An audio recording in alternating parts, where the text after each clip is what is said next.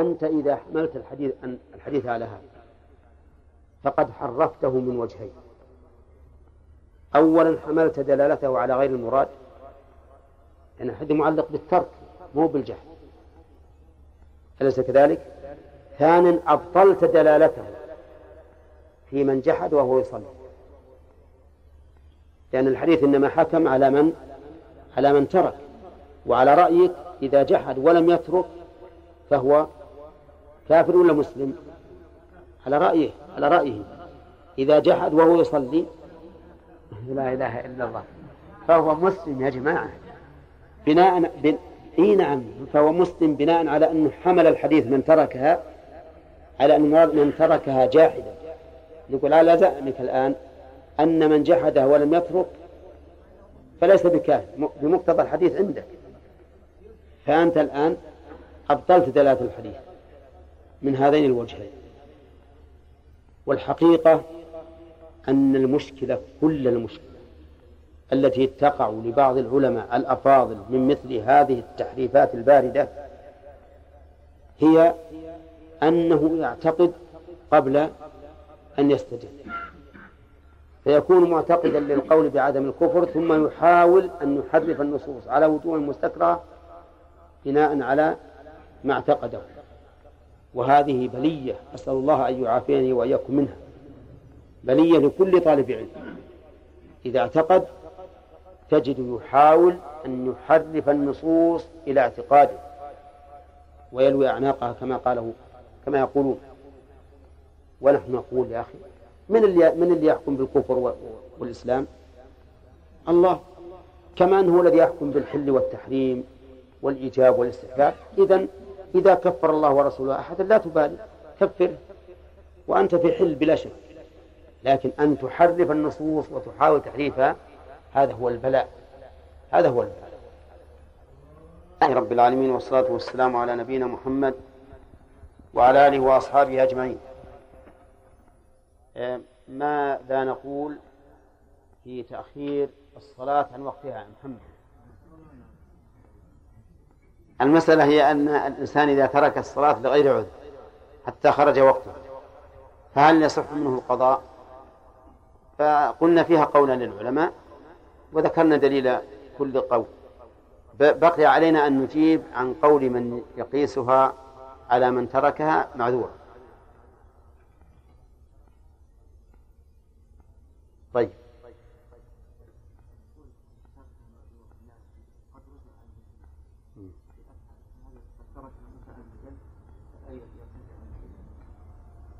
نعم. يقول من تركها معذورا فقد رفع الله عنه الإثم والحرج. وقد ثبت الشرع ثبت بالشرع أنه مأمور بقضائه. من نام عن صلاة أو نسيها فليصليها إذا ذكر. وأما من تركها عمدا فليس له عذر. وعليه الإثم. وتقع صلاته على وجه محرم. فلا يمكن أن يقاس الفعل المحرم على الفعل المباح المأذون فيه. طيب. متى متى يجوز متى يجوز تأخيرها عن وقتها عمدا؟ نص نعم. إذا نوى الجمع من من يجوز له الجمع. وكذلك على قول بعض العلماء في شدة الخوف بحيث لا يستطيع أن يصلي الصلاة مطلقا. طيب هذه اثنين. نعم. المشتغل بشرط الذي يحصله شرط الذي يحصله قريب. وهذا على المذهب. طيب هذه ثلاث أشياء. الدليل على جواز تأخيرها لنا والجهة الثاني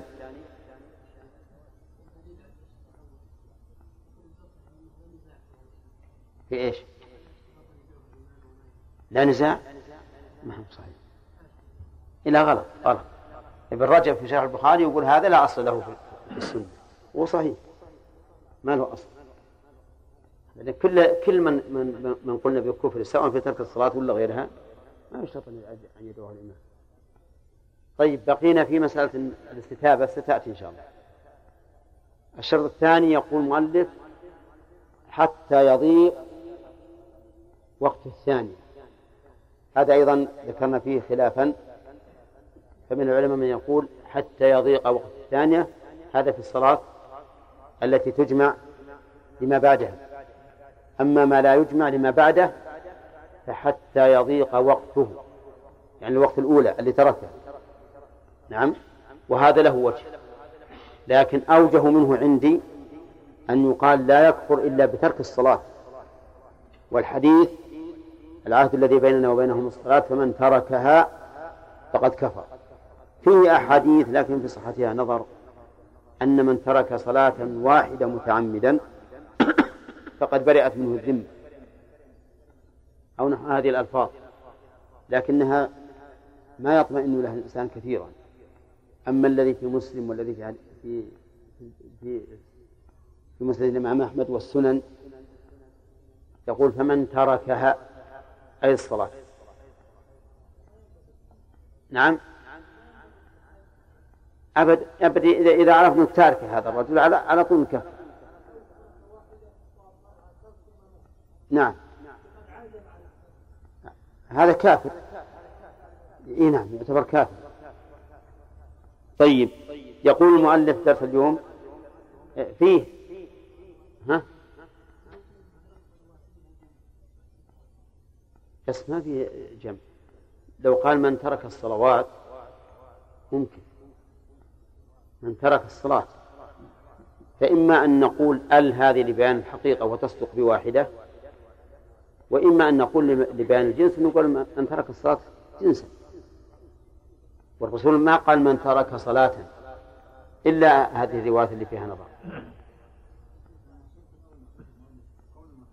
أيهن؟ قول واحد والمؤلف يقول إنه شرط. كيف قول واحد؟ إيه؟ طيب هذه نقول تقدم لنا شرح ذلك ولا لا؟ وقلنا صحيح إنه لا يشترط. وأن الرجل لو مات تاركا للصلاة ولم يدعى فهو كافر. بقي أن يقال هناك حديث استدل بها من يرى أو نصوص أعن استدل بها من يرى أن تارك الصلاة لا يكفر.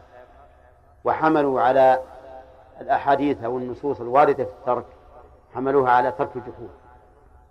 وذكرنا أن حملها على ترك الجحود خطأ من وجهين. الأول تعليق الحكم بوصف لم يعتبره الشارع وهو الجحد. ثانيا إلغاء وصف اعتبره الشارع وهو الترك. ففيه جنايتان على النص. حمله على ما على ما لم يعتبره الشارع وإلغاء ما اعتبره الشارع. وهاتان جنايتان على النص ولا يجوز أن نجني على النصوص. نحرف هذا التحريف. ثانيا أن نقول إن هذا باطل. لأن لأنه ينتقض عليه. بمن جحد وهو يصلي. إن قالوا إنه كافر فقد أعلنوا بمخالفة الحديث. لأن الحديث يقول فمن تركه وهذا ما تركه وهو جاهل. مفهوم؟ طيب و و وإن تركها وإن جحدها وتركها هن لا مانع أن يكون هناك سببان للكفر. كما لو ذبح الإنسان لصنم وسجد لصنم آخر وكذب خبر من من جهة ثالثة يجتمع عليه كم سبب؟ ثلاثة أسباب. ولا مانع من أن يتعدد الكفر. أما أن نلغي وصفا اعتبره الشرع ونأتي بوصف لم يعتبره ثم هو وصف متناقض فهذا لا يجوز. التصرف في النصوص على هذا الوجه. بقي أن يقال هناك نصوص تدل على عدم الكفر. تعارض هذه الأحاديث الدالة على الكفر. نقول أولا يجب أن نعرف وش معنى المعارضة. قبل أن نقول بالمعارضة أما أن نقول بالمعارضة قبل أن ندري ما المعارضة هذا ليس بصحيح. ولهذا نقول حقق قبل أن تنمى حقق المعارضة. وين المعارضة؟ هل جاء حديث أو آية تقول من ترك الصلاة فليس بكافر؟ أو تقول من ترك الصلاة فهو مؤمن؟ أو تقول من ترك الصلاة فهو في الجنة؟ لو جاءت نصوص على هذا الوجه قلنا هذه معارضة. ولا لا؟ هذه المعارضة. لأن هذا يقول من تركها فقد كفر. المعارض من تركها لم لم يكفر. هذا المعارض إذا جاء نص بهذا الوجه من ترك الصلاة فليس بكافر أو من ترك الصلاة فهو مؤمن أو من ترك الصلاة دخل الجنة هذا صحيح. معارضة يجب علينا أن نحاول الجمع إذا أمكن أو نطلب الترجيح إذا لم يمكن أو نذهب إلى إلى النسخ. لكن ما في معارضة النصوص التي عارضوا بها تنقسم إلى أربعة أقسام. قسم ما فيه دليل ما فيه دليل أصلا على المسألة ولا فيه شم رائحة المعارضة مثل قولهم إن الله لا يغفر أن يشرك به ويغفر ما دون ذلك لمن يشاء. قالوا لا يغفر أن يشرك به ويغفر ما دون ذلك لمن يشاء. ومن جملته من ترك الصلاة فيغفر الله إذا شاء. سبحان الله. ما معنى ما دون ذلك؟ هل معنى ما دون ذلك ما سوى ذلك؟ إن قالوا نعم قلنا طيب. ما تقولون في من كذب خبر الله ورسوله؟ أيغفر له؟ إن قالوا نعم خالفوا الكتاب والسنة والإجماع. وإن قالوا لا قلنا هو سوى ذلك فهو يدخل بالمغفرة. إذا لا يصح أن يكون ما دون ذلك بمعنى ما سوى ذلك. ما دون ذلك يعني ما هو أقل من الشرك. فما دون الشرك يغفره الله يعني داخل في المشيئة. وما ساوى الشرك ولو كان غير شرك ما سواه ولو كان غير شرك فإنه ليس داخلا تحت المشيئة بل هو غير مغفور كتكذيب الخبر وكترك الصلاة. طيب قالوا هناك دليل حديث معاذ بن جبل. حق العباد على الله أن لا يعذب من لا يشرك به شيئا. أن لا يعذب من لا يشرك به شيئا. يقول وعليكم السلام ورحمة الله وبركاته وأهلا بكم. هل تقولون إن فاعل الكبيرة لا يعذب جزما؟ إن قالوا نعم فقد خالفوا الآية. لأنه قال ويغفر ما ذلك لمن يشاء. فهمت؟ وإن قالوا لا يعذب إن قالوا لا يعذب خالفوا الآية. وإن قالوا يعذب خالفوا الحديث. لا يعذب من لا يشرك به شيئا. ونحن نقول الحديث ليس على ظاهره وأنتم لا تقولون بظاهره أيضا. لا تقولون بظاهره. لأن لا يعذب من لا يشرك به شيئا إذا وجد من لا يشرك به شيئا في عمله المعين. إذا انتفى الشرك في هذا الأمر المعين انتفى التعذيب عليه لأنه خالص. أما أن لا أن لا يعذب من لا يشرك ولو فعل ما فعل من الكبائر فهذا غير صحيح. ثم نقول أيضا لو كفر بغير الشرك هل يعذب ولا ما يعذب؟ يعذب. إذا فالحديث ليس على ظاهره. فإذا لم يكن على ظاهره وعلمنا أنه مخصوص بدلالة الكتاب والسنة بل وبالإجماع فإنه لا يمكن أن نحتج به على العموم ونقول إنه لا يخرج منه شيء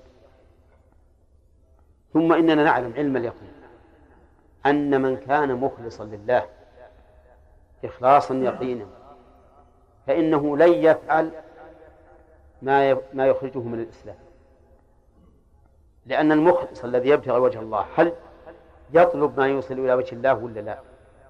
ها؟ المخلص في طلب الشيء يسعى بكل وسيلة إلى حصوله. نجد المخلصين في طلب الدنيا وش يعملون؟ ها؟ يسعون بكل وسيلة إلى حصوله.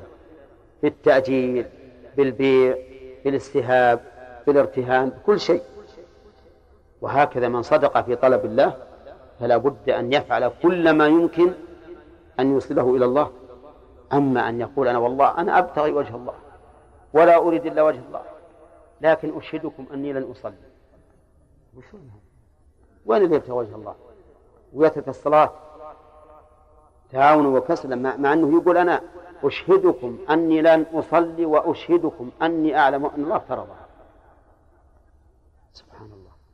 تشهد أن الله فرضها وتشهدنا أنك ما تصلي وتقول إنك تبتغي وجه الله. هذا يكذبه الواقع. يكذبه الواقع. ولذلك حديث معاذ وحديث عتبان بن مالك إن الله حرم على النار من قال لا إله إلا الله يرتجي وجه الله. كلها تدل على أن مثل هؤلاء لا يمكن أن يدعوا الصلاة.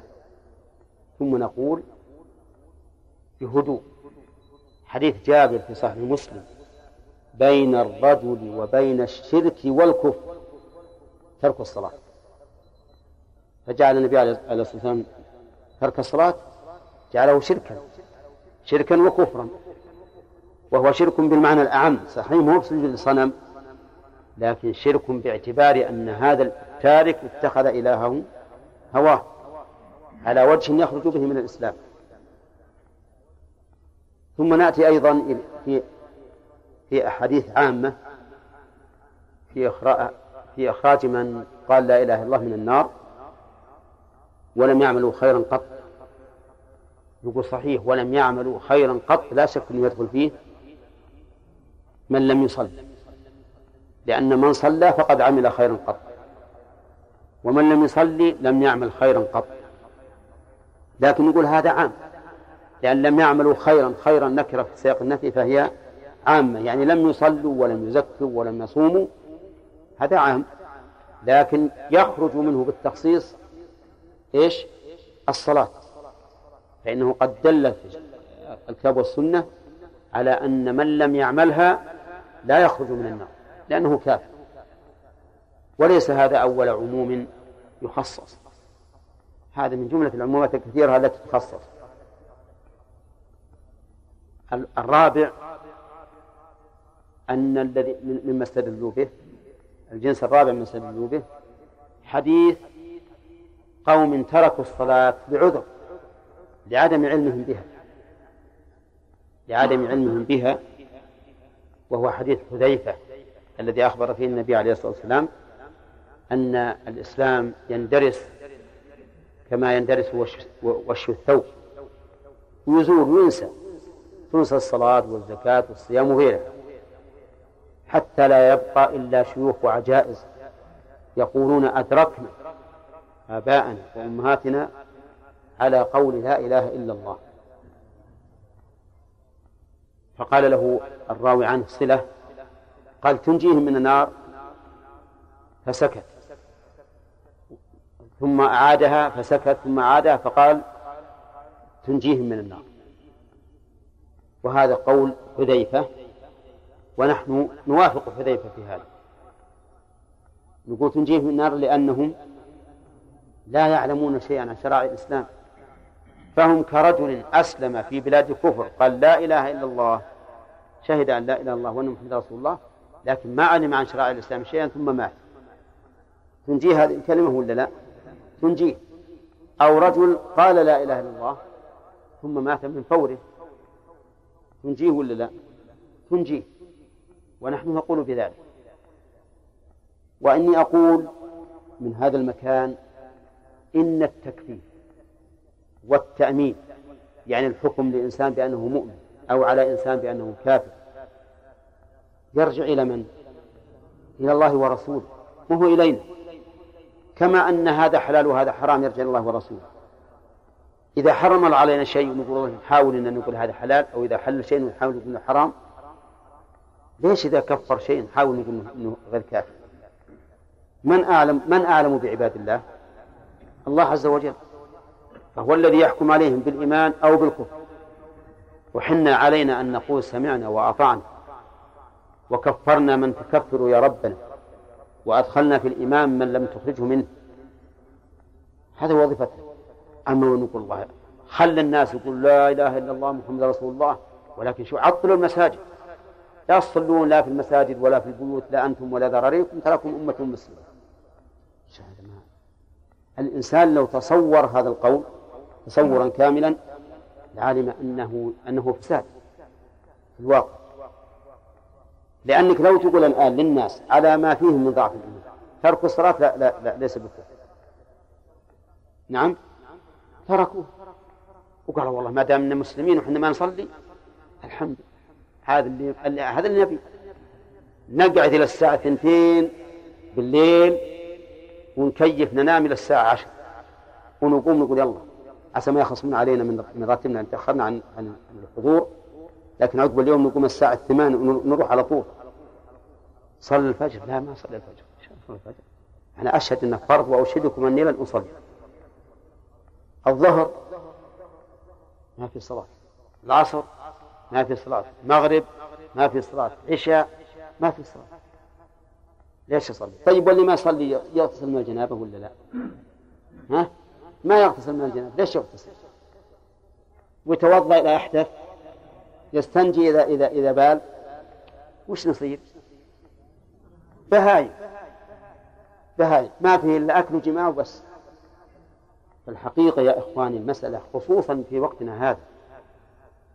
يعني أنا أنا معتقد يعني والحمد لله مؤمن بأن تارك الصلاة كافر لكن أرى أيضا أنه يترتب على القول والتوسيع للناس بأنها ليس بالكفر يترتب عليه مفاسد عظيمة. خصوصا في وقتنا هذا وضعف الإيمان وقلة الداعي وين الناس عسرهم يمشون الآن ونحن نقول يا جماعة تراكم تكفرون. وقلنا لو تكفر وترى زوجك تنفسخ منك. صار الأمر عليه كبير. صار الأمر عليه كبير. ولو نقول تكفر فإن صليت ولا قتلناك؟ ها؟ صار الأمر أعظم. قال وين درب المسجد؟ أبمشي بصلي الحاصل أن القول الراجح بلا شك أنه يكفر والحمد لله أن الله عز وجل جعل أدلة نصب أدلة على قائمة على الكفر بدون معارض مقاوم. الدليل قائم وهو سالم عن المعارض المقاوم. ما بقي علينا إلا أن نقول بما قال الله ورسوله. نكمل هذا عشان نقف على باب الأذان والإقامة نقول ولا يقتل حتى يستتاب ثلاثا فيهما. لا يقتل من؟ التارك والجاحد. يعني قال ومن جحد وجوبها كفر وكذا تارك. الجاحد والك... والتارك لا يقتل حتى يستتاب ثلاثا فيهما أي في الجحود والترك. يستتاب فعل ماضي فعل مضارع مبين المجهول فمن اللي يستتيبه؟ من له الأمر؟ الإمام أو نائبه يستتيبه ثلاثا يقول تب إلى الله. وصل قال ما نمصل هنا هو اليوم قال ما نمصل اليوم الثاني جيناه صل. قال خلوه فك. في اليوم الثالث جيناه قال إلى, الآن ما انتهى تفكير أجلوني إلى آخر إلى قبل الغروب خمس دقائق. أجلناه قبل الغروب خمس دقائق صلى. ثلاثة أيام وصلى قبل مغيب الشمس. يقتل ولا لا؟ يقتل. لكن لاحظ أنه لو لو مات في هذه المدة فهو كافر. لو مات من الله الله أمات هو يحكم بكفر لكن ما يقتل. ما هو المؤلف ما قال ولا يحكم بكفره قال ولا يقتل حتى يستتاب. لو مات فهو كافر. طيب نقول لا نقتله حتى نستتيبه ثلاثة أيام. وهذه المسألة مرت علينا أظن في باب المرتد وذكرنا أن فيها خلافا بين أهل العلم وأن فيها عن الإمام أحمد روايتين ليست خاصة في في ترك الصلاة أو جاحد وجوبها بل في كل مرتد هل يستتاب المرتد أو لا يستتاب ذكرنا أنها أن المذهب يقولون إن المرتدين قسمان قسم لا تقبل توبتهم فهؤلاء إيش؟ لا يستتابون لماذا؟ لأنه لا فائدة حتى لو تابوا ما قبلنا مثل من؟ مثل من سب الله أو رسوله أو تكررت ردته هذا ما يقتل. يقتل. حتى لو تاب لو قال أشهد أن الله الذي لا إله إلا هو عالم الغيب والشهادة الرحمن الرحيم الحي القيوم ووصف الله بصفاته وقال أنا تائب من وصف الله تعالى بالنقص والعيب نقول نقتلك. ما نقبل توبة ترى هذا المذهب والصحيح أنه يقبل كما تقدم. طيب. قسم آخر تقبل توبته. فعلى المذهب لا بد من إيش؟ من استتابته. لا بد من استتابته. والرواية الثانية لا يستتاب. يقتل. لأن النصوص الواردة مطلقة عامة كفر. وقد قال النبي عليه الصلاة والسلام من بدل دينه فاقتلوه. ولم يقل فاستتيبوه. فإن تاب وإلا فاقتلوه. قال فاقتلوه. إذن كل من فعل ما يقتضي الردة يقتل على طول بمقتضى الحديث. القول الثاني وهو رواية أحمد أنه يستتاب ثلاثة أيام وهو المذهب واستدلوا بآثر عن عمر رضي الله عنه. استدلوا بآثر عن عمر أنه ذكر له رجل ارتد فقتل. فقال لهم يعني لماذا لم تتركوه؟ لعله يرجع لعله يفيق لعله كذا لعله كذا. اللهم إني أبرأ إليك مما صنع. ولكن فيه قول ثالث وسط. قالوا إن هذا يرجع إلى اجتهاد الحاكم. يرجع إلى اجتهاد الحاكم. وهذا لا ينافي ما قاله عمر. ولا يخالف ظاهر الأدلة. إذا رأى الحاكم أن من المصلحة أن يستتيب هذا الرجل إما لكونه شاك في حال الرجل هل هو معتوه ولا عاقل ولا ما أشبه ذلك أو أن المسألة ما ظهرت ولا بانت فهنا يترجح إيش؟ الاستتابة لا شك أنها تترجح الاستتابة أما إذا كان هذا الرجل معلنا وأمره ظاهر واضح فهذا لا يستتاب. لا يستتاب. لأن في المبادرة إلى قتله ردعا لغيره مع كونه تمسكا بظاهر الأدلة. وهذا القول هو القول الصحيح وهو لا ينافي القولين بل هو بعض قول من يرى الاستتابة وبعض قول من لا يرى الاستتابة. وشيخ الإسلام ابن تيمية رحمه الله وغيرها الظاهر لكن ما طلعت على قول غيره يسلك هذا المسلك أحيانا. بمعنى أنه يتوسط بين القولين ثم يقول هذا بعض قول من يقول بكذا وكذا. كقوله في الوتر أنه واجب على من له ورد وقوله في غسل الجمعة أنه واجب على من له رائحة وما أشبه ذلك. باب الأذان والإقامة. باب الأذان والإقامة. هذا الباب معنون لمسألتين لكنهما مسألتان متلازمتان. أحدهما أو إحداهما الإيماء الأذان والثانية الإقامة. فما هو الأذان وما هو الإقامة؟ الأذان في اللغة الإعلام. ومنه قوله تعالى فأذنوا بحرب من الله ورسوله. وقوله وأذان من الله ورسوله إلى الناس يوم الحج الأكبر أن الله بريء من المشركين ورسوله. هذا في اللغة الإعلام. وفي الشرع إعلام خاص. وهذا هو الغالب في التعريفات الشرعية. أن تكون أخص من المعاني اللغوية. هذا الغالب. وقد يكون الأمر بالعكس فالإيمان في اللغة التصديق وفي الشرع أعم من التصديق. أليس كذلك؟ الإيمان في اللغة التصديق وفي الشرع تصديق وأعمال أعمال اللسان وأعمال جوارح. لكن الغالب الغالب أن المعاني الشرعية أخص من المعاني اللغوية ولهذا تجد التعريفات الشرعية يكون فيها قيود وشروط سائدة على التعريفات اللغوية. فالصلاة في اللغة الدعاء وفي الشرع عبادة. أصل الأذان في اللغة الإعلام وفي الشرع التعبد لله عز وجل بالإعلام بالإعلام للصلاة بذكر مخصوص. التعبد لله تعالى بالإعلام للصلاة. بذكر مخصوص. وهذا أولى من قولنا الإعلام بدخولها بدخول الوقت. لأن الأذان يتبع الصلاة.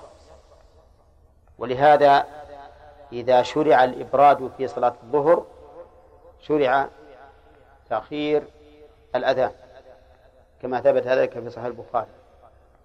وعلى هذا فنقول التعبد لله تعالى بالإعلام للصلاة بذكر مخصوص.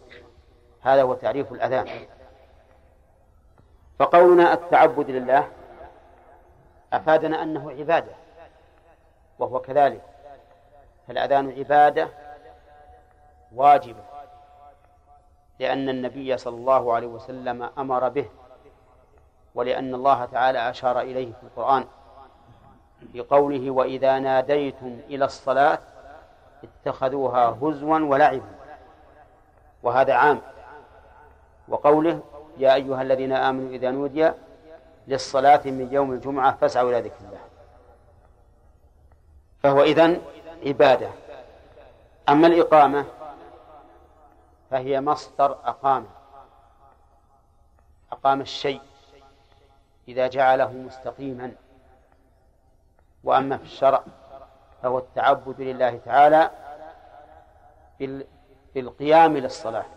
مو بالصلاة بالقيام للصلاة بذكر مخصوص بذكر مخصوص. فال فالفرق بينها وبين الأذان أن الأذان يكون إعلاما للصلاة بالتهيؤ لها والإستعداد لها والإقامة إعلام بالصلاة للدخول فيها والإحرام بها. هذا هو الفرق بينهما. ويأتي أيضا الفرق بينهما إن شاء الله فيما بعد في صفة الأذان يختلف عن صفة الإقامة. قولنا إن الأذان والإقامة عبادة. إذن فيهما ثواب. فيهما ثواب. لأن كل عبادة تشتمل على شرطيها وهما الإخلاص والمتابعة يكون فيها الثواب. وعندنا في صلاة في الصلاة إقامة أذان وإقامة وإمامة. واختلف العلماء أيهما أفضل. والصحيح أن الأفضل الأذان. الأذان أفضل من الإمامة. لورود, لورود الأحاديث الدالة على فضله. ولكن إذا قال قائل الإمامة ربطت بأوصاف شرعية مثل يؤم القوم أقرأهم لكتاب الله. ومعلوم أن الأقرأ أفضل فقرنها بالأفضل دليل على أفضليتها. فنجيب على ذلك بأن نقول نحن لا نقول إنه لا أفضلية في الإمامة بل الإمامة ولاية شرعية ذات فضل. ولكننا نقول إن الأذان أفضل من الإمام لما فيه من إعلان ذكر الله عز وجل وتنبيه الناس على سبيل العموم. والإمام إنما يكون إماما لمن؟ لمن خلفه فقط. لكن المؤذن إمام لكل من سمعه كل من سمعه يقتدي به. ويقوم يصلي مثلا ولأن الأذان أشق من الإمامة. الأذان أشق لأن الإمام لأن المؤذن دائما يكون مشغولا بتحري الوقت. والاستعداد له لا سيما في الزمن السابق حيث لا ساعات لا ساعات هناك. فإن قال قائل إذا كان الأذان أفضل كما زعمتم؟ فلماذا لم يؤذن الرسول صلى الله عليه وسلم وخلفاؤه الراشدون؟ فقد كانوا أئمة ولم يكونوا مؤذنين. فالجواب أنهم اشتغلوا بالأهم عن المهم لأن الإمام يتعلق به جميع الناس ويحتاج إلى التفرغ لهم. فلو فرغ نفسه لملاحظة الوقت لانشغل بذلك عن مهمات المسلمين. فكان ترك النبي صلى الله عليه وسلم وخلفائه الراشدين الأذان لا لزهد فيه أو قلة فيه ولكن من أجل انشغالهم بما هو أهم. ثاني الناس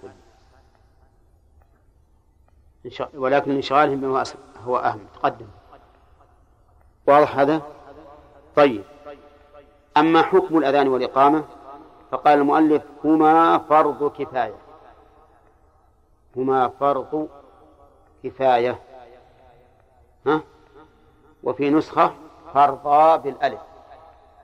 فعلى النسخة التي بيدي أفرد الخبر مع تثنية المبتدأ لأن الخبر مصدر.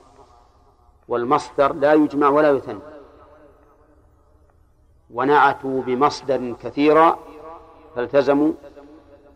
هذا ابن مالك يقول في الألفية ونعتوا بمصدر كثيرا فالتزموا الإفراد والتذكير يقول هما رجلان عدل ولا تقل عدلان فال والخبر خبر كالصفة. فيفرد الخبر وإن كان المبتدأ مثنى أو مجموعة إذا كان الخبر إيش؟ مصدرا. إذا كان الخبر مصدر. وأما على التثنية فهو ففيه لغة لكنها مرجوحة. هما فرضا كفاية. قوله فرض الفرض في اللغة القطع. وفي الشرع ما أمر به على سبيل الإلزام. هذا الفرض. ما أمر به على سبيل الإلزام. وهل هو أوكد من الواجب أو هما بمعنى واحد؟ الصحيح أنهما بمعنى واحد لكن ينبغي مراعاة ألفاظ الشرع. فما جاء بلفظ الفرض فليعبر عنه بالفرض. وما لم يأتي بلفظ الفرض فليعبر عنه بما عبر به الشارع لأن هذا أولى وأحرى في المتابعة حتى في اللفظ. فنقول هما فرض كفاية. الفرض في اللغة؟ الحزو والقطع. وفي الشرع ما أمر به على وجه الإلزام. والدليل على فرضيتهما أمر النبي صلى الله عليه وسلم بهما في عدة أحاديث. وملازمته لهما في الحضر والسفر. ولأنه لا يتم العلم بالوقت إلا بهما غالبا خصوصا في الزمن السابق. فكان القياس أن يكون واجبين. وأصل فرضيتهما نعم أيضا يقول فرض كفاية قبل أن فرض كفاية. وفرض الكفاية هو الذي إذا قام به من يكفي سقط عن الباقي. ودليل كونهما فرض كفاية. قول النبي صلى الله عليه وسلم لمالك بن حويرث إذا حضرت الصلاة فليؤذن لكم أحدكم. فليؤذن لكم أحدكم وهذا يدل على أنه يكتفى بأذان واحد. ولا يجب الأذان على كل واحد فهو فرض كفاية. قال أهل العلم في ضابط ذلك. ما طلب إيجاده من كل شخص بعينه فهو فرض عين وهذا ينظر فيه إلى العامل. وما طلب إيجاده بقطع النظر عن فاعله فهو فرض كفاية وهذا ينظر فيه إلى إلى العمل. فما لوحظ فيه وجود العمل فهو كفائي وما لوحظ فيه وجوده من كل شخص بعينه فهو فرض فهو نعم فهو أمر عين سواء كان فرضا أو سنة. أيهما أفضل؟ الصحيح بلا شك أن الأفضل فرض العين لأن إيجاب الله له على كل واحد بعينه دليل على أهميته وعلى أنها لا تتم العبادة إلا لا يتم التعبد إلا به. وأنه لا يتم التعبد إلا به بخلاف فرض الكفاية. طيب. إذا قال قائل ما هو الدليل على فرضيتهما؟ قلنا الدليل على ذلك النصوص الكثيرة الدالة على الأمر بهما. ثانيا مواظبة النبي صلى الله عليه وسلم عليهما حضرا وسفرا. ثالثا تعين المصلحة بهما لأنهما من شعائر الإسلام الظاهرة. أرأيت لو أتيت إلى بلد ليس فيه أذان ولا إقامة؟ لم تجد فرقا بينه وبين بلاد الكفر. إي نعم. فصار فرض كفاية. قال المؤلف على الرجال. الرجال جمع رجل وتطلق على البالغين. فخرج بذلك الصغار. وخرج بذلك الإناث. وخرج بذلك الخناثة كذا؟ لأنهم ليسوا رجالا. فلا تجب على الصغار. فلو فرضنا أن صغارا خرجوا في نزهة وجاء وقت الصلاة يا آدم بمعنى وجاء وقت الصلاة فإنه لا الأذان والإقامة لأنهم ليسوا رجالا بل هم صغار. ثم هم أيضا ليسوا من أهل التكليف لعدم لعدم الوجوب عليه النساء هل يجب عليه عليهن الأذان والإقامة؟ كلام المؤلف يدل على أنه لا يجب عليهما أذان ولا إقامة لأنه قال على الرجال سواء كان هؤلاء النساء منفردات عن الرجال أو كان حولهن رجال. ولكن ما حكم الأذان والإقامة في حقهن إذا لم نقل بالوجوب؟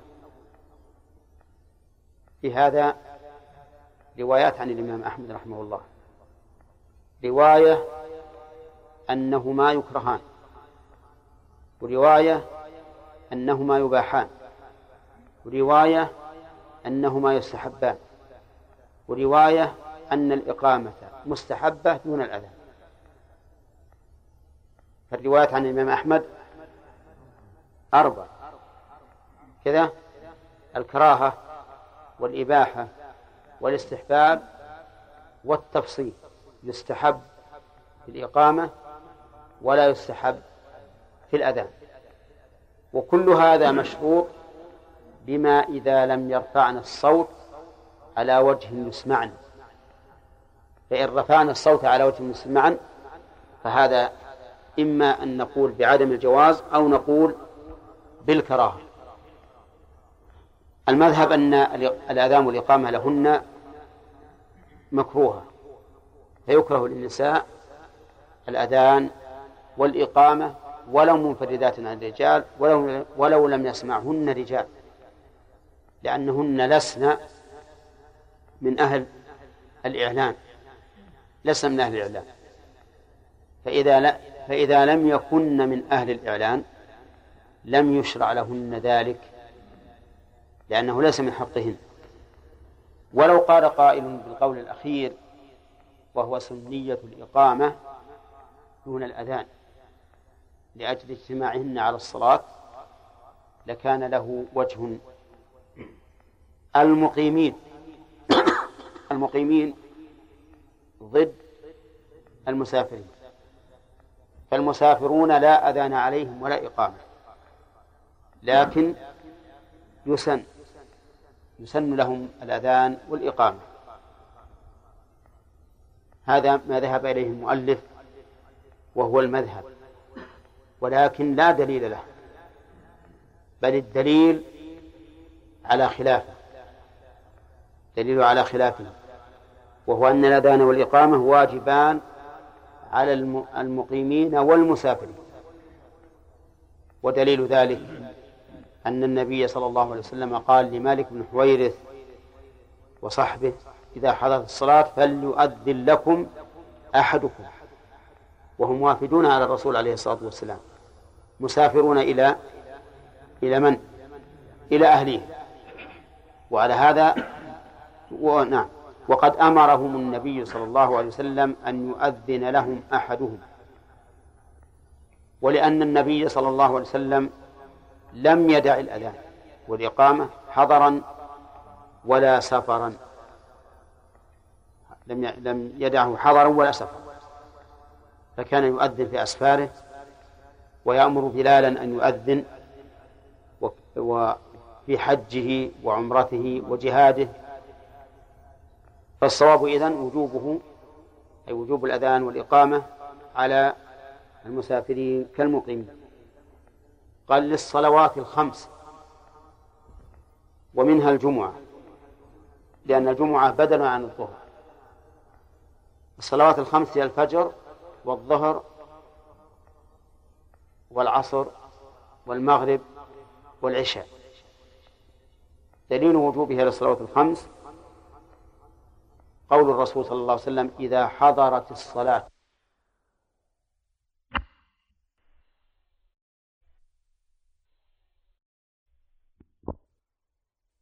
فليؤذن لكم أحدكم إذا حضرت الصلاة وهذا عام في كل الصلوات الخمس. ولأن النبي صلى الله, صلى الله عليه وسلم كان مؤذنه يواظب على الأذان للصلوات الخمس فكان واجبا للصلوات عيد لا أذان في الاستسقاء لا أذان في ركعتي الضحى لا أذان. المهم للصلوات الخمس فقط. المنذورة لو نذر الإنسان أن يصلي لله ركعتين هل يؤذن؟ ها؟ لا يؤذن لأنها ليست من الصلوات الخمس المكتوبة. طيب المؤدات خرج بذلك المقضية. المقضية وهي التي تصلى بعد الوقت. فلا يجب الأذان لها. لكن يسن الأذان لها. ولا يجب. انتبه. هذا ما ذهب إليه المؤلف. وتعليله أن الأذان لا يعرف في عهد الرسول عليه الصلاة والسلام إلا في الصلوات الخمس المؤدات. ولكن الصواب أنه أن الأذان والإقامة يجبان في الصلوات الخمس المؤدات والمقبول. ودليل ذلك أن الرسول صلى الله عليه وسلم لما نام عن صلاة الفجر في سفره لم يستيقظ إلا بعد طلوع الشمس وأمر بلالا أن يؤذن وأن يقيم. وهذا يدل على الوجوب في الصلوات المقضيات كالمؤدات ولعموم قوله صلى الله عليه وسلم إذا حضرت الصلاة فليؤذن لكم أحدكم فإنه يشمل حضورها بعد الوقت وحضورها في الوقت. وحضورها بعد الوقت يتصور فيما إذا نام عنها أو نسيها. كما قال النبي عليه الصلاة والسلام من نام عن صلاة أو نسيها فليصلها إذا ذكرها. ولكن إذا كان الإنسان في بلد قد أذن فيه للصلاة كما لو نام جماعة في غرفة في البلد ولم يستيقظوا إلا بعد طلوع الشمس. هل يؤذنون؟ أو هل يجب عليهم الأذان؟ الجواب لا. اكتفاء بالأذان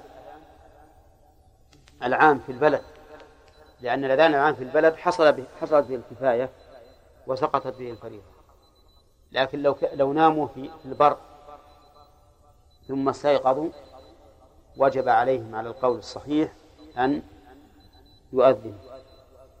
وقول المؤلف للصلوات الخمس هذا ما لم تجمع الصلاة إلى ما تجمع إليه. فإنه يكفي في ذلك أذان واحد. فلو جمع بين الظهر والعصر كفاهما أذان واحد. ولو جمع بين المغرب والعشاء كفاهما أذان واحد. لكن لا بد من الإقامتين. من الإقامة لكل صلاة كما صح ذلك عن النبي صلى الله عليه وسلم في حجة الوداع من حديث جابر حين جمع صلى الله عليه وسلم بين الظهر والعصر في عرفة وبين المغرب والعشاء في مزدلفة.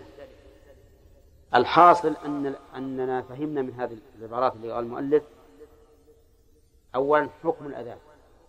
والإقامة وأنها وأنهما فرض كفاية ثانيا أنه لا بد من شروط. الأول أن يكون أن يكونوا رجالا. ثانيا أن يكونوا مقيمين. ثالثا في الصلوات الخمس رابعا المؤدات. المؤدات دون المقضية.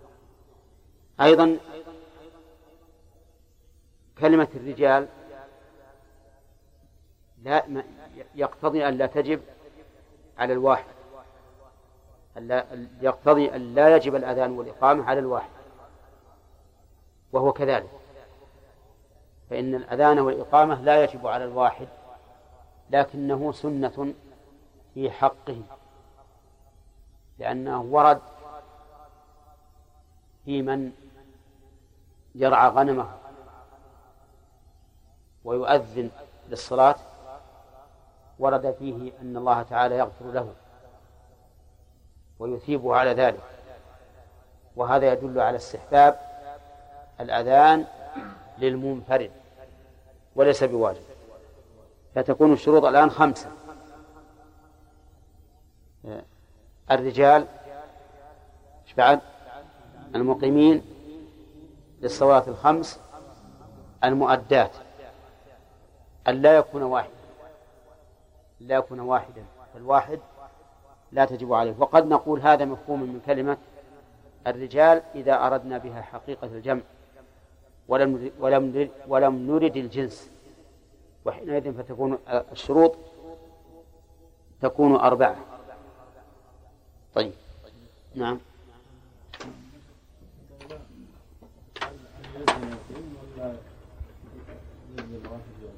سيأتينا إن شاء الله تعالى أن الذي يقيم هو المؤذن.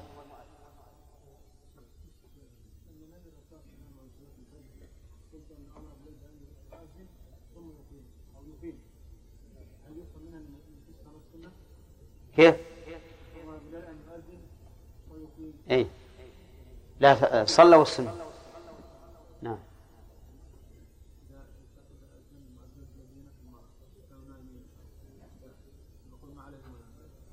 أي نعم.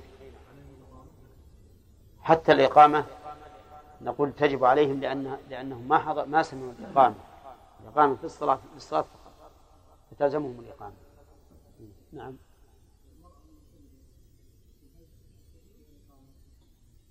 مثل الرجل. أي نعم.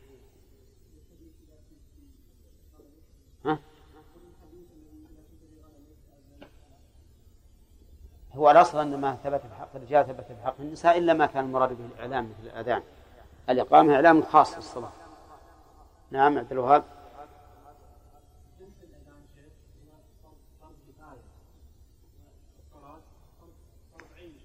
نعم.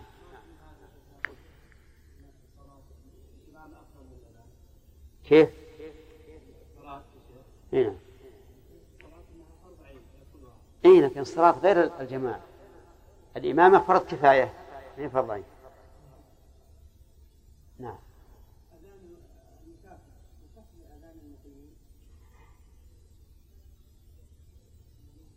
هو بينهم فرق أي طيب. إن كان المسافر يقصر الأذان. إحنا ننظر فيه.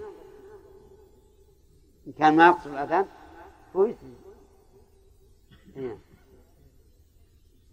واضح شيبة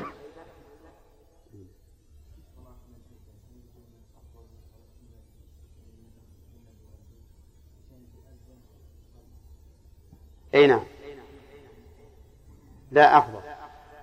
أفضل لأن هذا من سننها أو من واجباتها. يعني مما يسن لها أو مما يجب لها. نعم. ها؟ ما له أذن ما هي أذان؟ لا ما يعتبر أذان. لأجل الحضور فقط لأجل حضور الناس.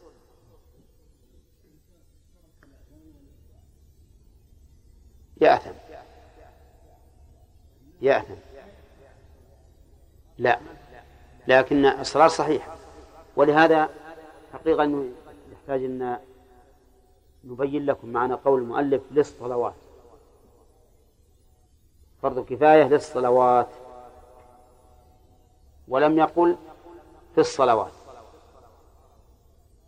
فهما فرض للصلاة وليس فرضا فيها.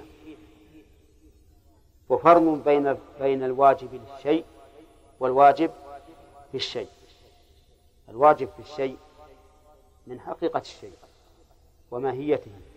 كالتشهد الأول مثلا. وكالجماعة. بما تجب فيه الجماعة على قول من يرى أنها شرط وأما على قول من يرى أنها ليست بشرط فيقول إنها واجب للصلاة لا فيها على كل حال المؤلف يقول واجب للصلاة فهي خارجة من الصلاة. خارجة. فهي واجبة لها ليست واجبة فيه. نعم.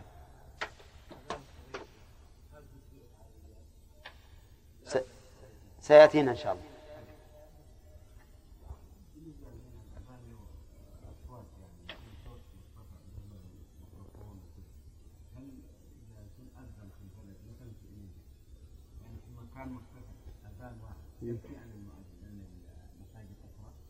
هم هو فرض كفاية طيب.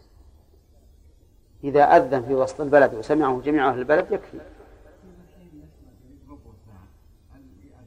كمان المؤذن يكون نايم ما يستيقظ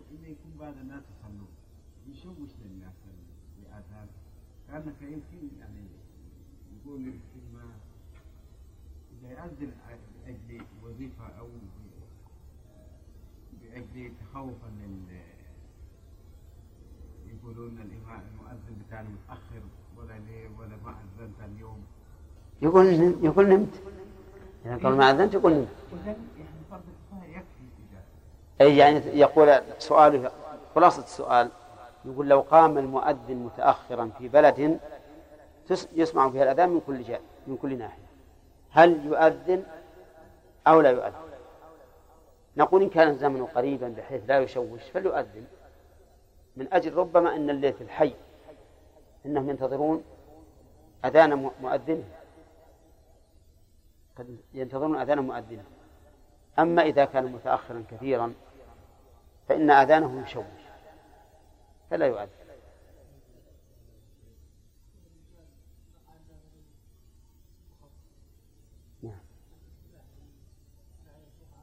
لا حتى في اللغة العربية. أن الرجل من بلغ أما ذاك يقال غلام يافع طفل صبي. نعم.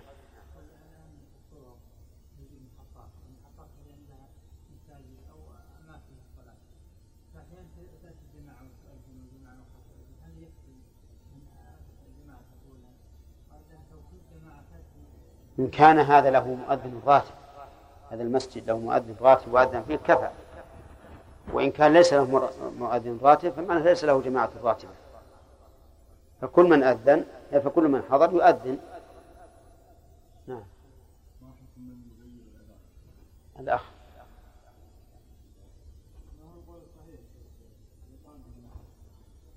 أقول لو قل بسنيتها لكان له وجه. يعني يستحب لهن ولا يجب. كيف غيره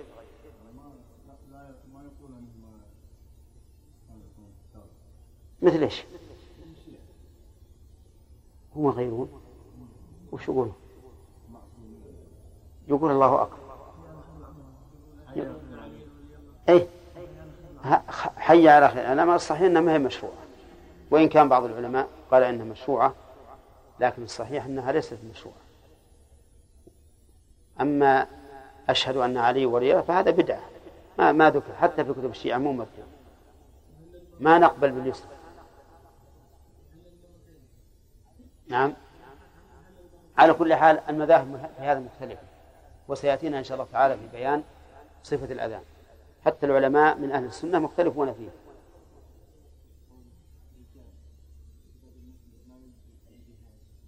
إيش؟ إيه؟ إنه واجب على الرجال هو واجب على الرجال هو سيأتينا إن شاء الله هذه ومن عدل الشروط الشروط ها؟ الجهاد يجب الأذان فيه. الجهاد يجب الأذان فيه. أحسن بعد. إذا إذا إذا أذن يكون هذا أهيب للمسلمين. لا لا يقول الجهاد. الجهاد. ما يعرف ينطق بالدال. للصلوات. للصلوات. ماذا يفيده هذا التعبير؟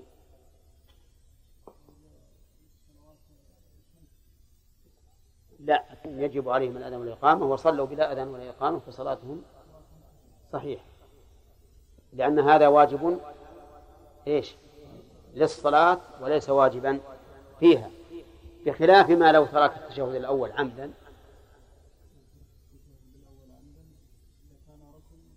لا عمدا هو واجب. كان ركن ما جبره سجود السهو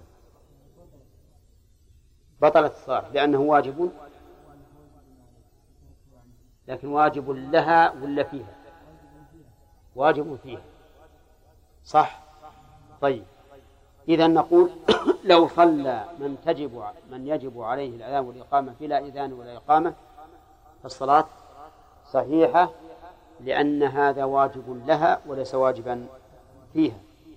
ولو ترك التشهد الأول عمدا فالصلاة باطلة لأن لأن التشهد الأول واجب فيها. واضح؟ ومن ذلك صلاة الجماعة. صلاة الجماعة على قول على المشهور أنها واجب للصلاة لا في الصلاة. ولهذا لو صلى بدون جماعة فصلاته صحيحة مع الإثم. قال المؤلف رحمه الله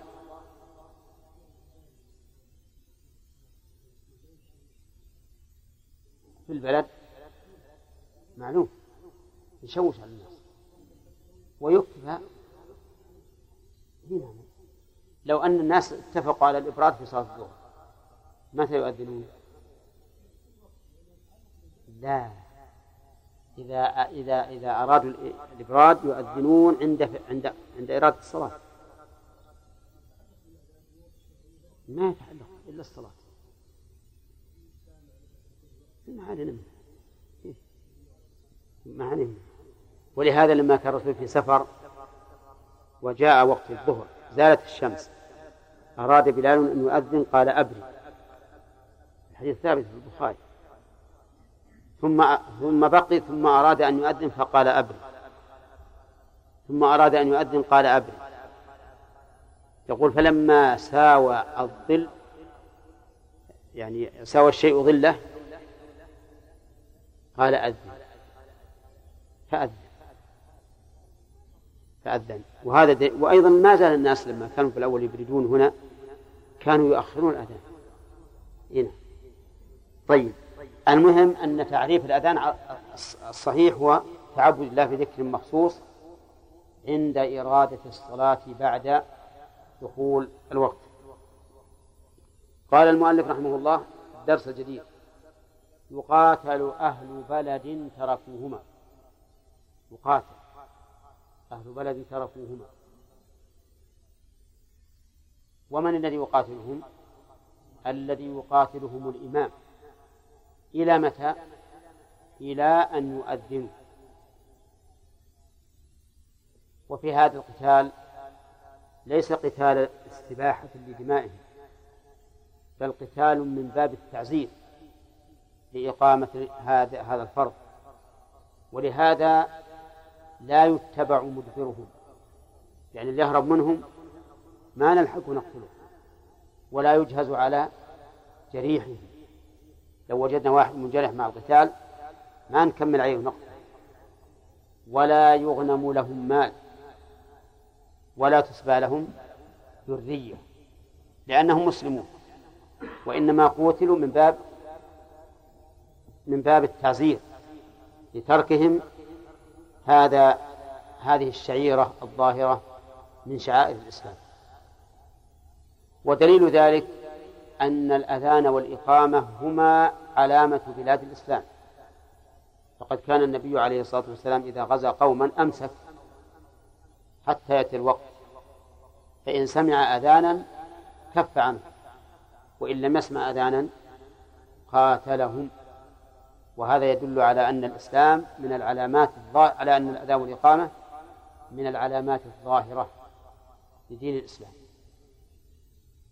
وقول المؤلف تركوهما يحتمل أن المراد تركوهما جميعا أو أن المراد تركوا واحدا منهما.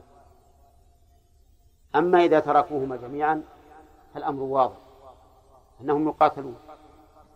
ولكن إذا تركوا واحدا منهما فإن كان الأذان فقتالهم ظاهر أيضا. لأن الأذان من العلامات إيش؟ الظاهر. وإن كان الإقامة فيحتمل أن يقاتلوا أيضا لأنها علامة ظاهرة لكنها ليست كالأذان. لقول النبي عليه الصلاة والسلام إذا سمعتم الإقامة فامشوا إلى الصلاة. فدل هذا على أن الإقامة ظاهرة علامة ظاهرة تسمع ويحتمل أن لا يقاتل. فإن قال قائل كيف يقاتلون؟ وقد قال النبي صلى الله عليه وسلم لا يحل دم امرئ مسلم إلا بأحد ثلاث. قلنا هناك فرق بين القتل والقتال. فليس كل من جاز قتاله. نعم. جاز قتله. ليس كل من جاز قتاله جاز قتله. ولهذا نقاتل إحدى الطائفتين المقتتلتين حتى تفيء إلى أمر الله مع أنها مؤمنة. ما تقتل. أما أما القتل فلا يلزم منها أيضا المقاتلة للعموم. قد يكون واحد من هؤلاء استحق القتل فنقتله ولا نقاتل الناس. فتبين بهذا أنه لا تلازم بين القتال والقتل وأن جواز القتال أوسع من جواز القتل لأن القتل لا يجوز إلا في أشياء معينة مخصوصة بخلاف القتال. يقاتل أهل بلد تركوهما. قال وتحرم أجرتهما.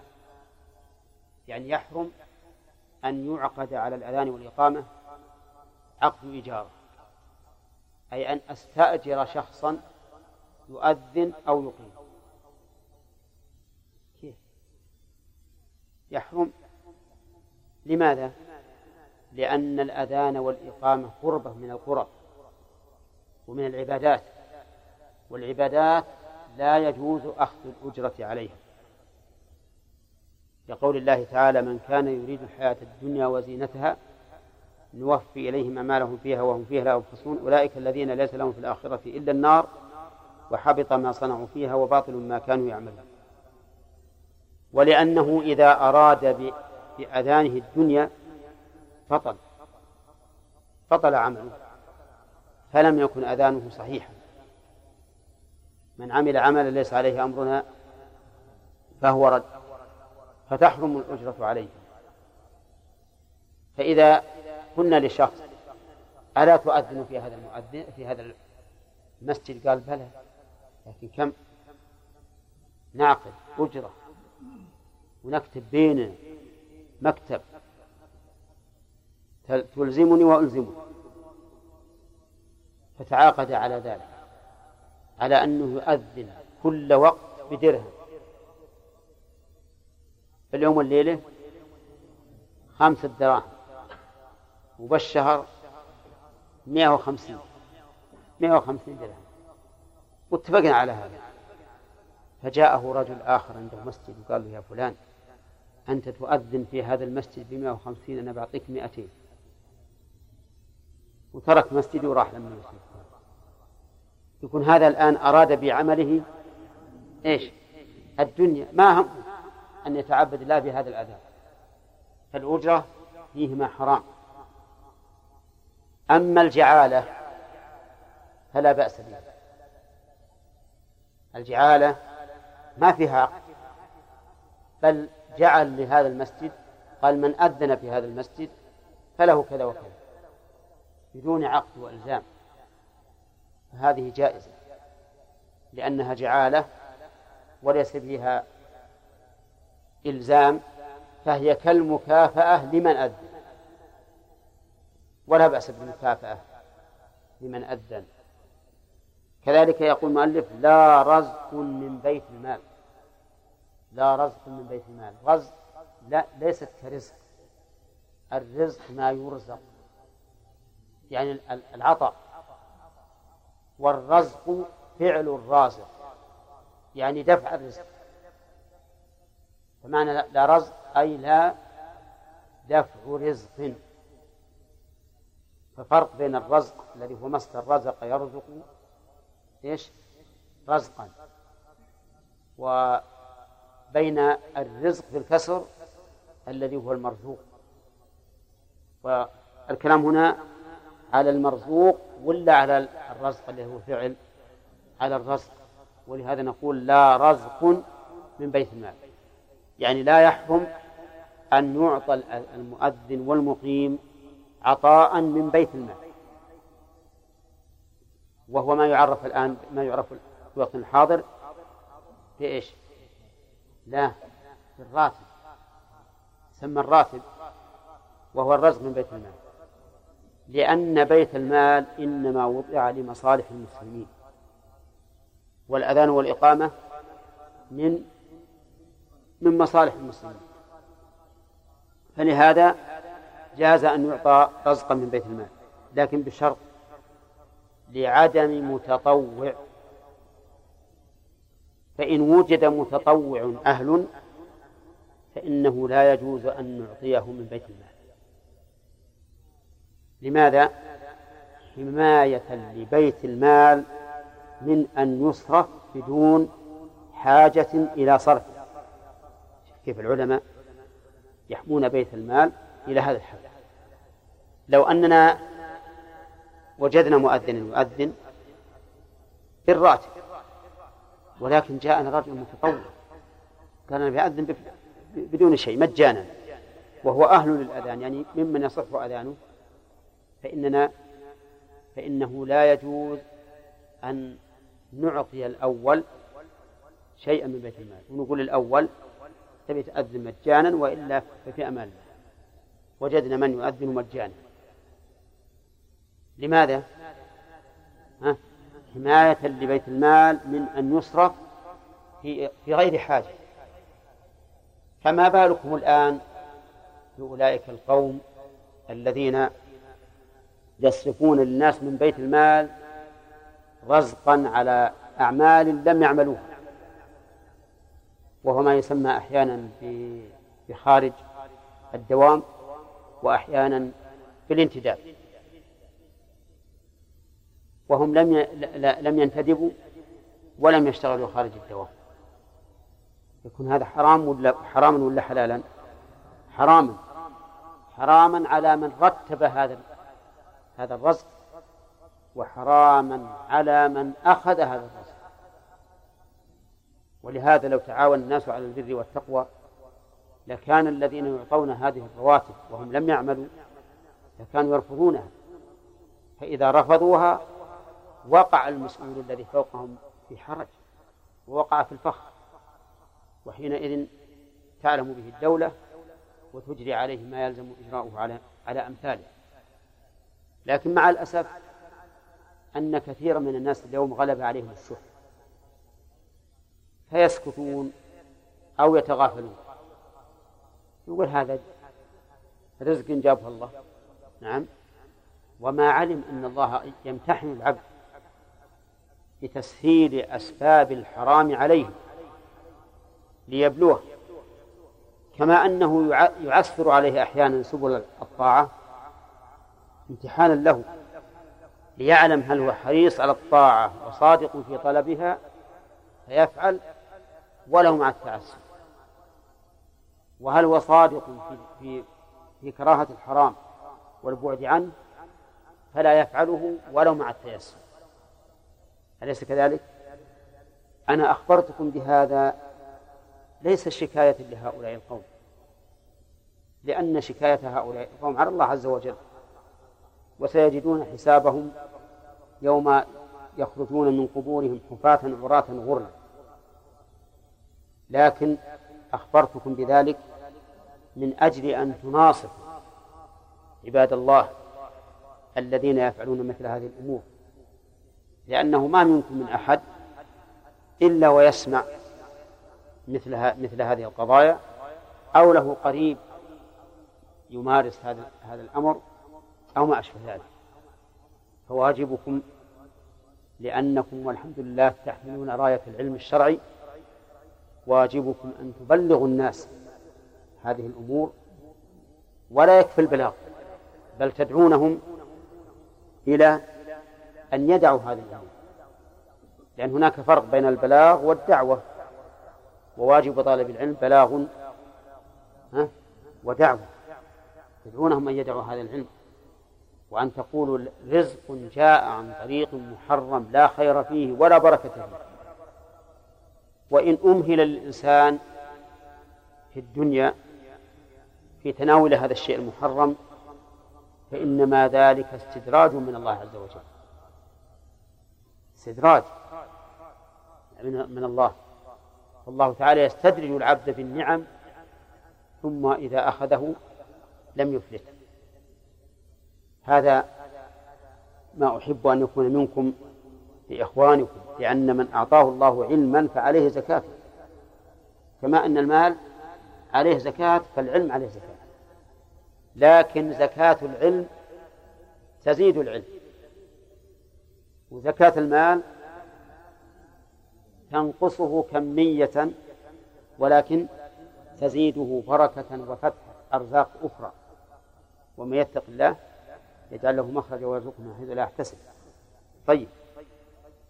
شوف المؤلف يقول لا يجوز أن نعطي راتبا للمؤذن والمقيم إذا وجد من إيه من يتطوع به. لكن بشرط أن يكون هذا المتطوع ممن تحصل به الكفاية. أما لو جاءنا إنسان يريد أن يتطوع لكن ما يحسن الأداء والإقامة فنحن إيش؟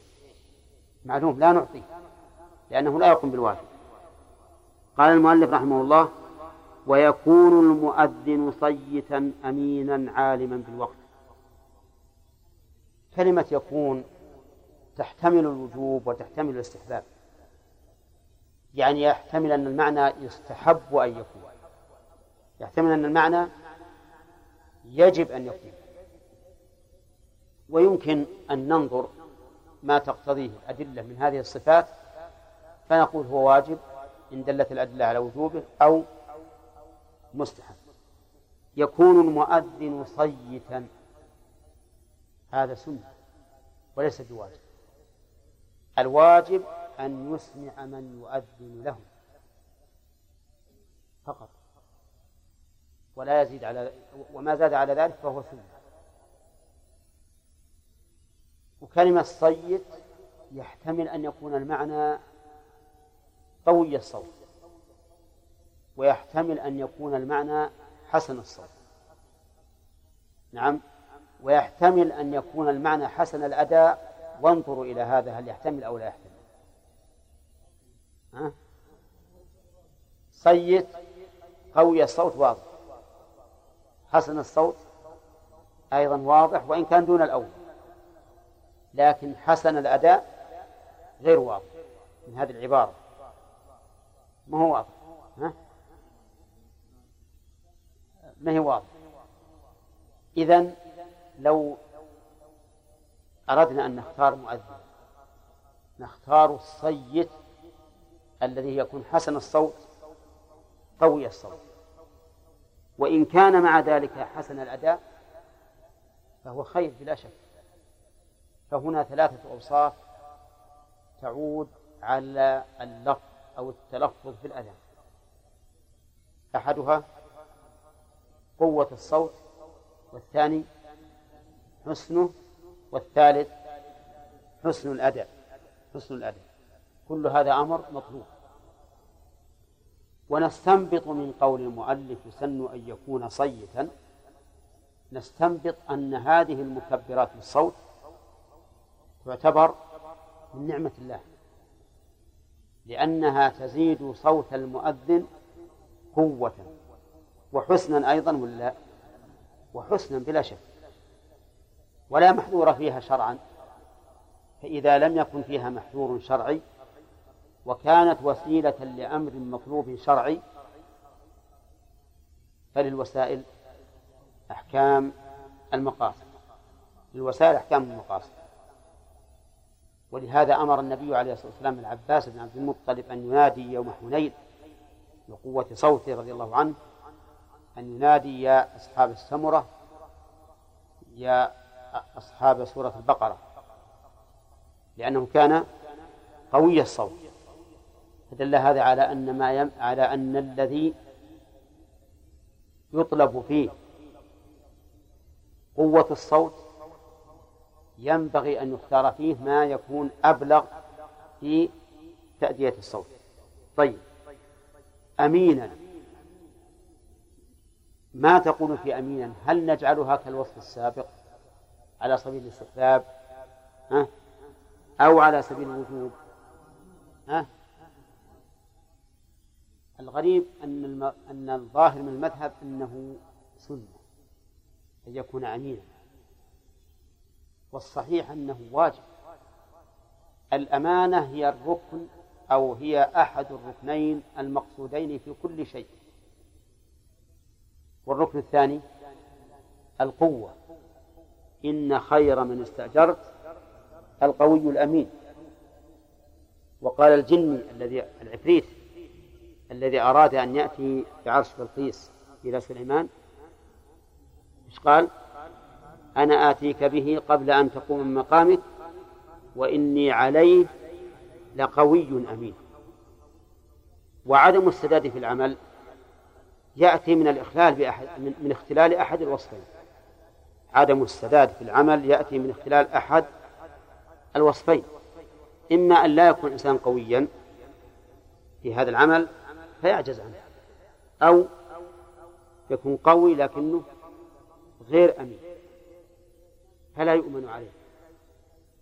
لكن ما تقولون إذا وجد ضعيف أمين ضعيف أمين وقوي غير أمين أيهما لا مو في الأذان في غير الأذان في أي عمل هل هل نقدم القوي غير الأمين ولا نقدم الأمين غير القوي طيب طيب. صحيح. على حسب ما يقتضيه العمل. بعض العمال بعض الأعمال تكون فيه مراعاة الأمانة أولى. وبعض الأعمال مراعاة القوة أولى. لأن القوي قد يفيد ما لا يفيده الضعيف في مسائل كثيرة. ولا سيما في موضوع الإمارات وما أشبهها. يعني القوة في الإمارة نعم قد تكون أولى من مراعاة الأمانة. الأمانة في القضاء قد تكون أولى من مراعاة القوة لأن لأن القاضي غير منفذ. على كل حال يشترط يعني ينبغي أو يجب أن يكون المؤذن أمينا. أمينا على إيش؟ أمين على أمينا على الوقت. أمينا على عورات الناس. لأن الناس فيما سبق يؤذنون في المنارات. واللي يطلع في المنارة يكشف بيوت الناس. ولا لا؟ فيحتاج أن يكون أمينا. لا يطلع على عورات الناس. يقوم يؤذن في المنارة ويناظر النساء ويناظر ما يحدث في البيوت. هذا ما هو أمين. لا بد أن يكون أمينا. أمينا على الأذان ومراعاة الأوقات وأمينا على عورات الناس. لا يطلع عليها إذا صعد المنار عالما بالوقت. هذا شرط ولا غير شرط؟ هذا غير شرط. هذا غير شرط. لأنه يعلم كان ابن أم مكتوم رجلا أعمى. لا يؤذن حتى يقال أصبحت أصبحت. فينبغي أن يكون عالما بالوقت. عالما بالوقت. يعني بنفسه. هذا هو الأكمل والأفضل. لأنه قد يتعذر عليه من يخبره عند أوان الأذان. فينبغي أن يكون هو عالما بالوقت. طيب العلم بالوقت يكون بالعلامات التي جعلها الشارع علامة وهي في الظهر الشمس ولا زوال الشمس؟ طيب. في العصر يا عليان.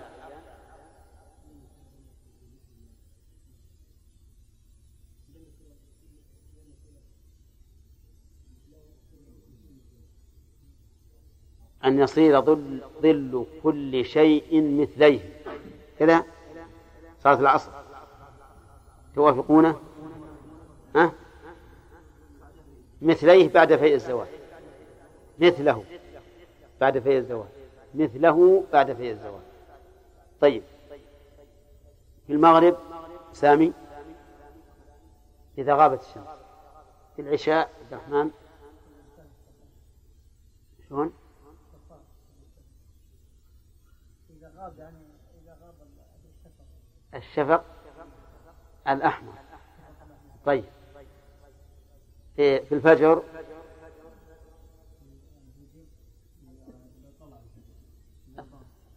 أي الفجرين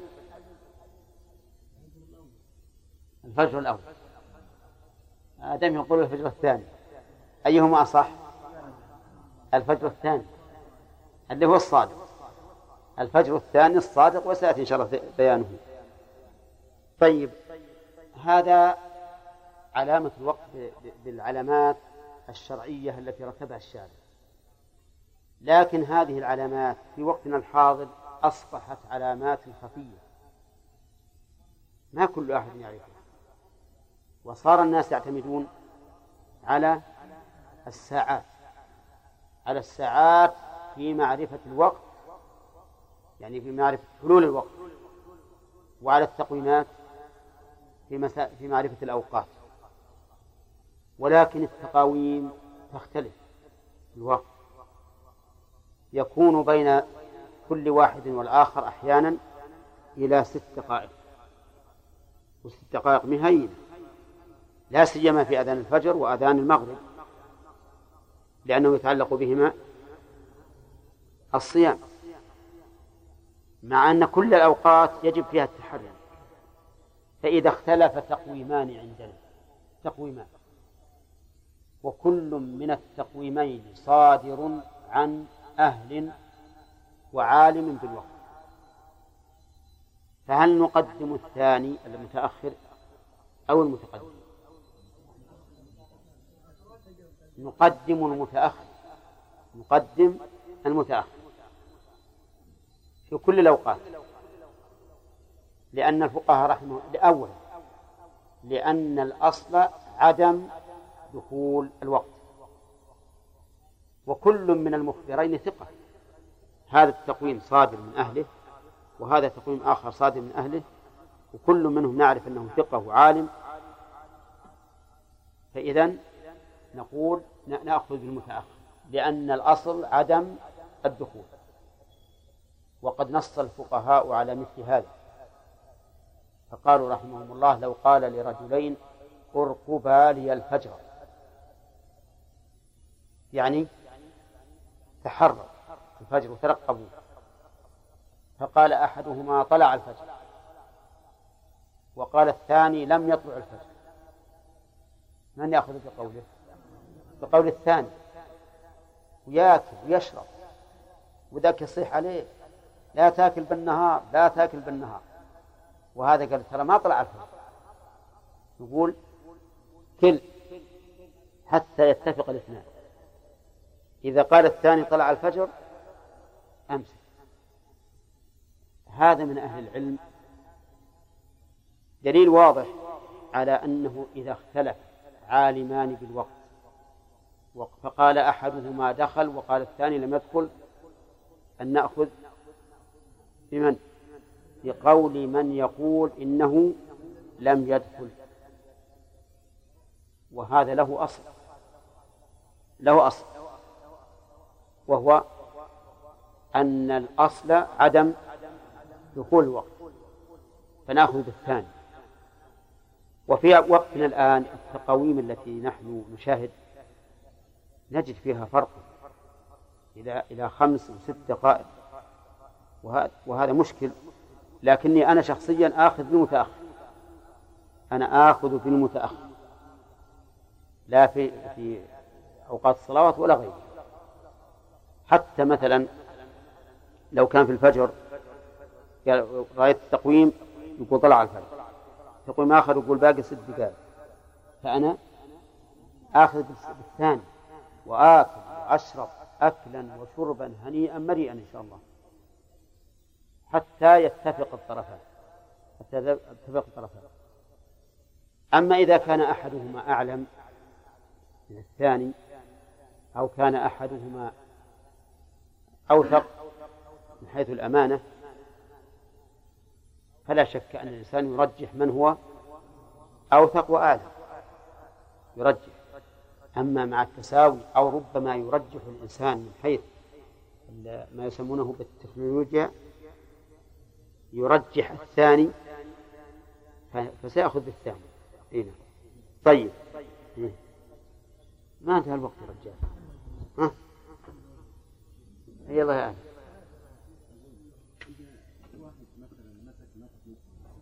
بفترة معينة يعني يسلم الناس أو يأذن وما يتوقف بالأوقاف من الدخول وبعد كم أيام يعني شاف كذا ما ما في فائدة وترك. يصير كيف يعني فاهمين سؤاله؟ يقول هذا واحد مسك مسك أذانا أو أو أو أو, أو إماما. وبقي شهر أو شهرين شاف أن الأوقاف مهم مهم وظيفته ترك المسك وش تصير هذه؟ ها؟ إي نعم ينظر إلى نيته. إن كان الرجل يقول أنا إن حبست بهذا لله عز وجل وأستعين بما يعطونني على الأذان وعلى اعمال الأخرى. فأما إذا لم يحصل لي فأنا أريد أن أشتغل. اشتغل لأن الأذان والإقامة لا شك الأذان والإمامة تحبس الإنسان.